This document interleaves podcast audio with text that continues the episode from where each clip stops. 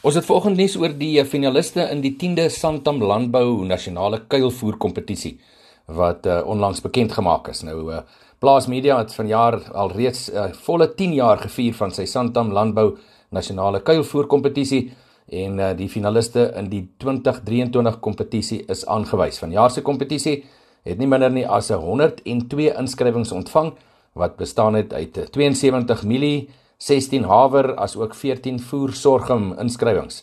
En hierdie inskrywings is uh, opgemaak uit uh, 72 bankers, 22 sakke as ook uh, 8 kuilvoerbale. Nou kuilvoerbale word sedert 2022 ook in die formele groepe ingesluit mits dit dan ook uh, in die milie sorgum of haver kategorieë ingeskryf kan word. 'n Totaal van 23 maatskappye het hulle self of hulle kliënte in hierdie jaar se kompetisie ingeskryf en die uh, prysborge is natuurlik ook almal deel van die laboratoriumborge wat uh, die monster ontleding gedoen het. Die monsterneming is deur twee nagraadse veekunde studente van die Universiteit van Pretoria gedoen en uh, dan ook uh, die monsters wat deur Dr Elrisa Taljaard en haar span by Lab World getoets is.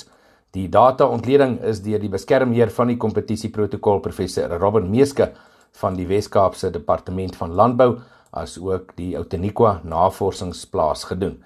Nou die drie formele kategorieë waar, waarin die finaliste aangekondig word, naamlik die mielie voersorgum en die haver kuilvoer, is daar dan ook 'n een oop kategorie waarin ander gewasse ingeskryf kan word, maar geen finaliste word daarvoor aangekondig nie en daar word ook geen wenner aangewys nie. Die inskrywings ontvang slegs 'n verslag met hulle kuilvoer ontledings baie interessante kompetisie en dit is uh, soos gesê af in die afgelope 10 jaar.